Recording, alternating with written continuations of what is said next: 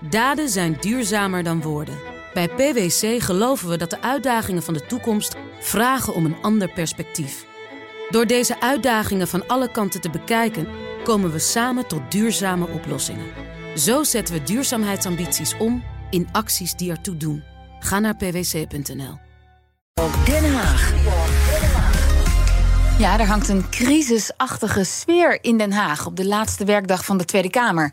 Vanavond is er opnieuw een overleg over asiel en migratie nadat de vier coalitiepartijen het daar gisteren niet eens over konden worden. Gisteravond laat. Vooral premier Rutte zou heel fel in de strijd zitten. Nou, een hectische dag dus voor onze politiek verslaggevers in Den Haag. Mats Akkerman, Leendert Beekman. Ja, jullie zijn alle wandelgangen afgegaan, eh, geloof ik. Goedemiddag. Goedemiddag. Goedemiddag. Mats, wat ving jij daarop? Zijn de Kamerleden hun vakantieplannen dan al een beetje aan het uitstellen? Ja, ik uh, vond er eentje die daadwerkelijk al zijn vakantie heeft ingetrokken. Ik zal niet zeggen oh, wie het was, maar die, die zou zaterdag naar de Verenigde Staten vertrekken. En die heeft zijn vlucht al geannuleerd. Want die houdt serieus rekening met een mogelijke val van het kabinet of een mogelijk spoeddebat. Dus ja, die crisissfeer zet zich inmiddels echt al om in daden. En er zijn al Kamerleden die denken dat het echt uh, mogelijk gaat klappen vandaag of morgen. Ja, ik lees ook overal dat er vooral Mark Rutte dan de, de, de boel op scherp heeft gezet in dat gesprek gisteravond laat. Wat horen jullie daarover? Ja, dat er een akkoord zou liggen dat bijna klaar was, waar voor iedereen uh, ja, wel wat pijn in zat. En dat Rutte op het laatste moment met nieuwe eisen de Kamer inkwam. Uh, vooral over het twee-statussen-stelsel. En dan ga je een onderscheid maken tussen tijdelijke asielzoekers en asielzoekers die permanent mogen blijven. Bij permanent kun je dan denken aan bijvoorbeeld vluchtelingen die homo zijn en worden vervolgd in hun land van herkomst. Mm. Bij tijdelijk kun je dan denken aan oorlog, want dat is hopelijk iets tijdelijks. Uh, en Rutte zou gezinshereniging willen beperken voor die groep tijdelijk tijdelijke asielzoekers tot een maximum van 200 herenigingen per maand. Maar ChristenUnie en D66 die willen dat uh, niet. En vooral bij de ChristenUnie is gezinshereniging een gevoelig thema. En eigenlijk was deze eis gewoon onacceptabel voor de ChristenUnie. En toen zou Rutte gezegd hebben: nou ja, als we het er niet over eens kunnen worden, dan gaan we er gewoon over stemmen in de ministerraad. Uh, wat heel ongebruikelijk is. Want als je dan kijkt naar de verhoudingen, er zijn nu 19 ministers, 7 van de VVD en 4 van het CDA. En dan zeg je dus eigenlijk, ja, dan stemmen we erover. Maar dan, dan hebben zij de meerderheid. En mm -hmm. dat zou de ChristenUnie en D66 sowieso niet acceptabel vinden. Dus die zouden er dan waarschijnlijk wel de stekker eruit trekken. Nog voordat er gestemd zou worden.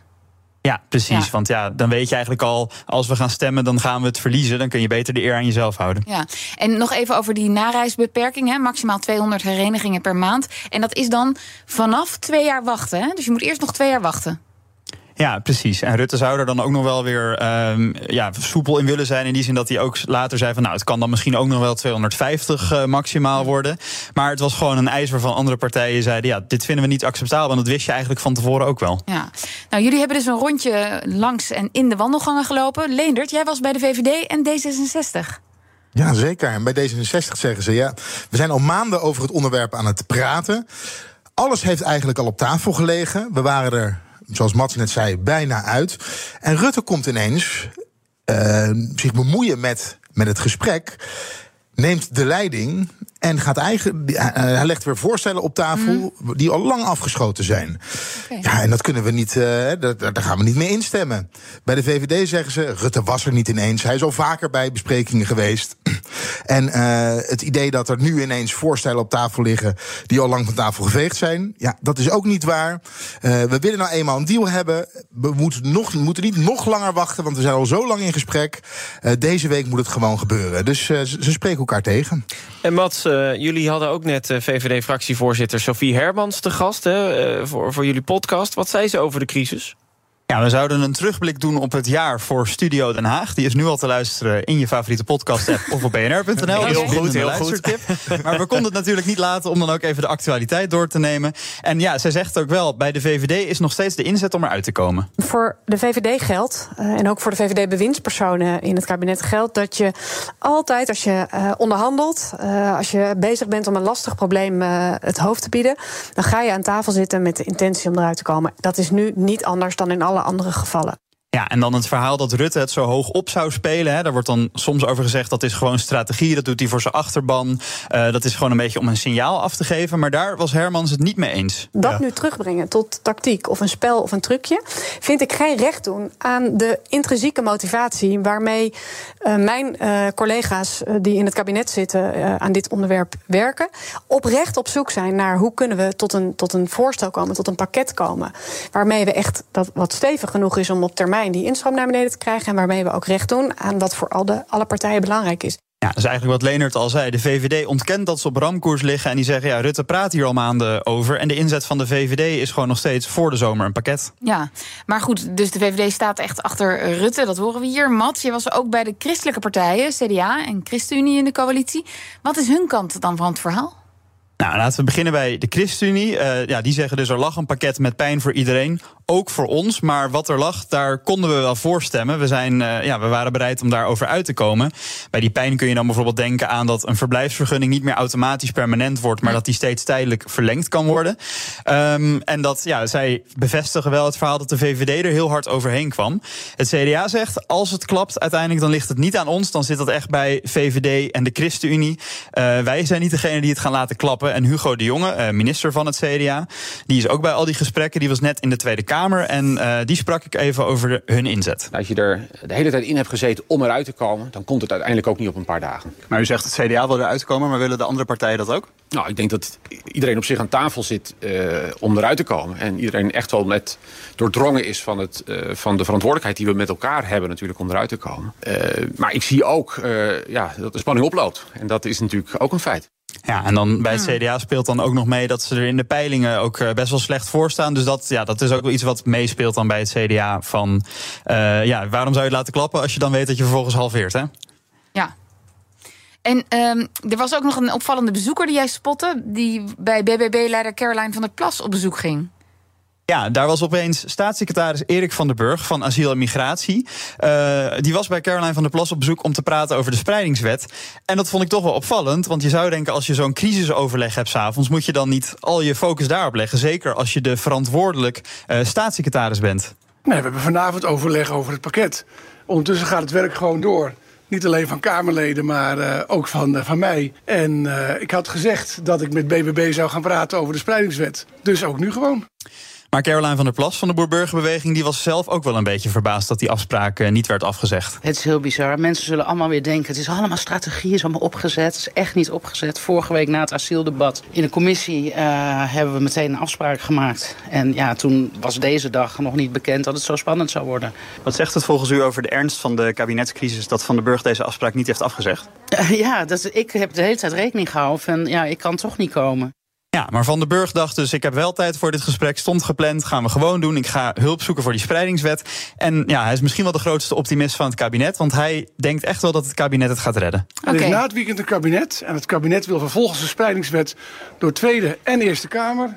En daar staat niet alleen één zetel voor de Tweede Kamer, maar ook nog eens een keertje 16 zetels voor de Eerste Kamer. Dus ik ga met haar nu praten. Hmm. En de BBB, nu je haar toch sprak, weten we hoe zij daarin staan in deze migratiedeal? Nou, BBB uh, gaat vandaag komen met plannen hoe staan zij nou in dat uh, migratievraagstuk? Er komt dus een visiestuk. We weten al een klein beetje waar Caroline van der Plas staat. Ze wil een quotum wil ze hebben.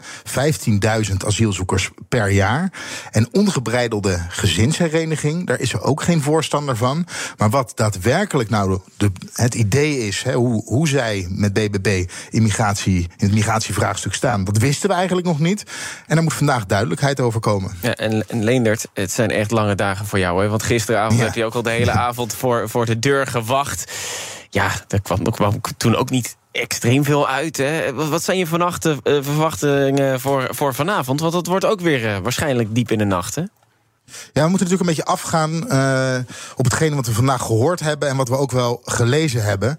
En op het moment, en Mats noemde het net al, dat ze er niet uitkomen en dat Rutte aangeeft: ik wil morgen in de ministerraad het pakket zoals ik dat wil hebben in stemming brengen. Dan zou het dus heel goed kunnen gebeuren dat vanavond het kabinet al klapt. Want wat gebeurt er namelijk als het morgen in stemming wordt gebracht? Dan is er een meerderheid van VVD en CDA. En dan zullen ChristenUnie en uh, D66 uit het kabinet moeten stappen. Of in ieder geval één van de partijen, want ChristenUnie heeft er het moeilijkst mee. Maar ja, ga je je morgen naar de slagbank laten uh, laten voeren. Uh, ik denk dat dat niet gaat gebeuren. Dus op het moment dat Rutte gaat zeggen: morgen gaan we erover stemmen, zou het heel goed zo kunnen zijn dat dan de ChristenUnie en waarschijnlijk ook D66 vanavond zeggen: Nou, dan stoppen we er vanavond mee. Maar Leendert, dat CDA, hè, het valt mij eigenlijk op. Ik had meer uh, uitspraken van hen verwacht. Zijn zij zo makkelijk meegegaan met de voorstellen van de VVD?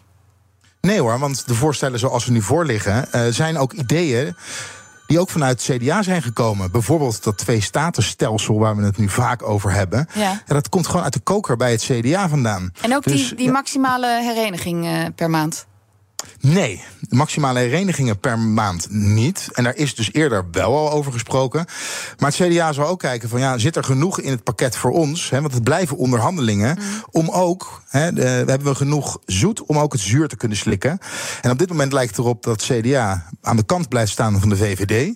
Ja, en dan uh, uh, nogmaals, als er een, een stemming wordt aangevraagd door de premier, kan het vanavond al heel spannend ja, ik vraag me wel af wat de achterban van het CDA daarvan vindt. Want je hoort ook wel eens dat daar een beetje verdeeldheid in zit. Hè, tussen streng ja, dat optreden is, en... Dat is inderdaad misschien een beetje ook weer de hoop van D66 en de ChristenUnie. Dat ze zeggen, nou, bijvoorbeeld zo'n uh, beperking van gezinshereniging. Daar zal ook binnen de CDA-achterban wel verdeeldheid over zijn. Dus misschien dat uh, ChristenUnie en D66 hopen dat CDA toch een beetje toch weer naar hun kant komt. En een beetje los te weken valt van de VVD. Maar tot nu toe lijkt het er meer op dat ze aan de kant van de VVD blijven zitten in de discussie. Ja. Zijn jullie alle twee eh, vanavond trouwens, daar buiten de deur?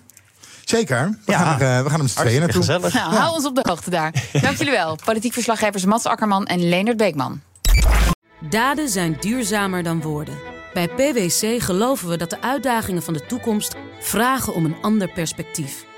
Door deze uitdagingen van alle kanten te bekijken, komen we samen tot duurzame oplossingen. Zo zetten we duurzaamheidsambities om in acties die ertoe doen. Ga naar pwc.nl.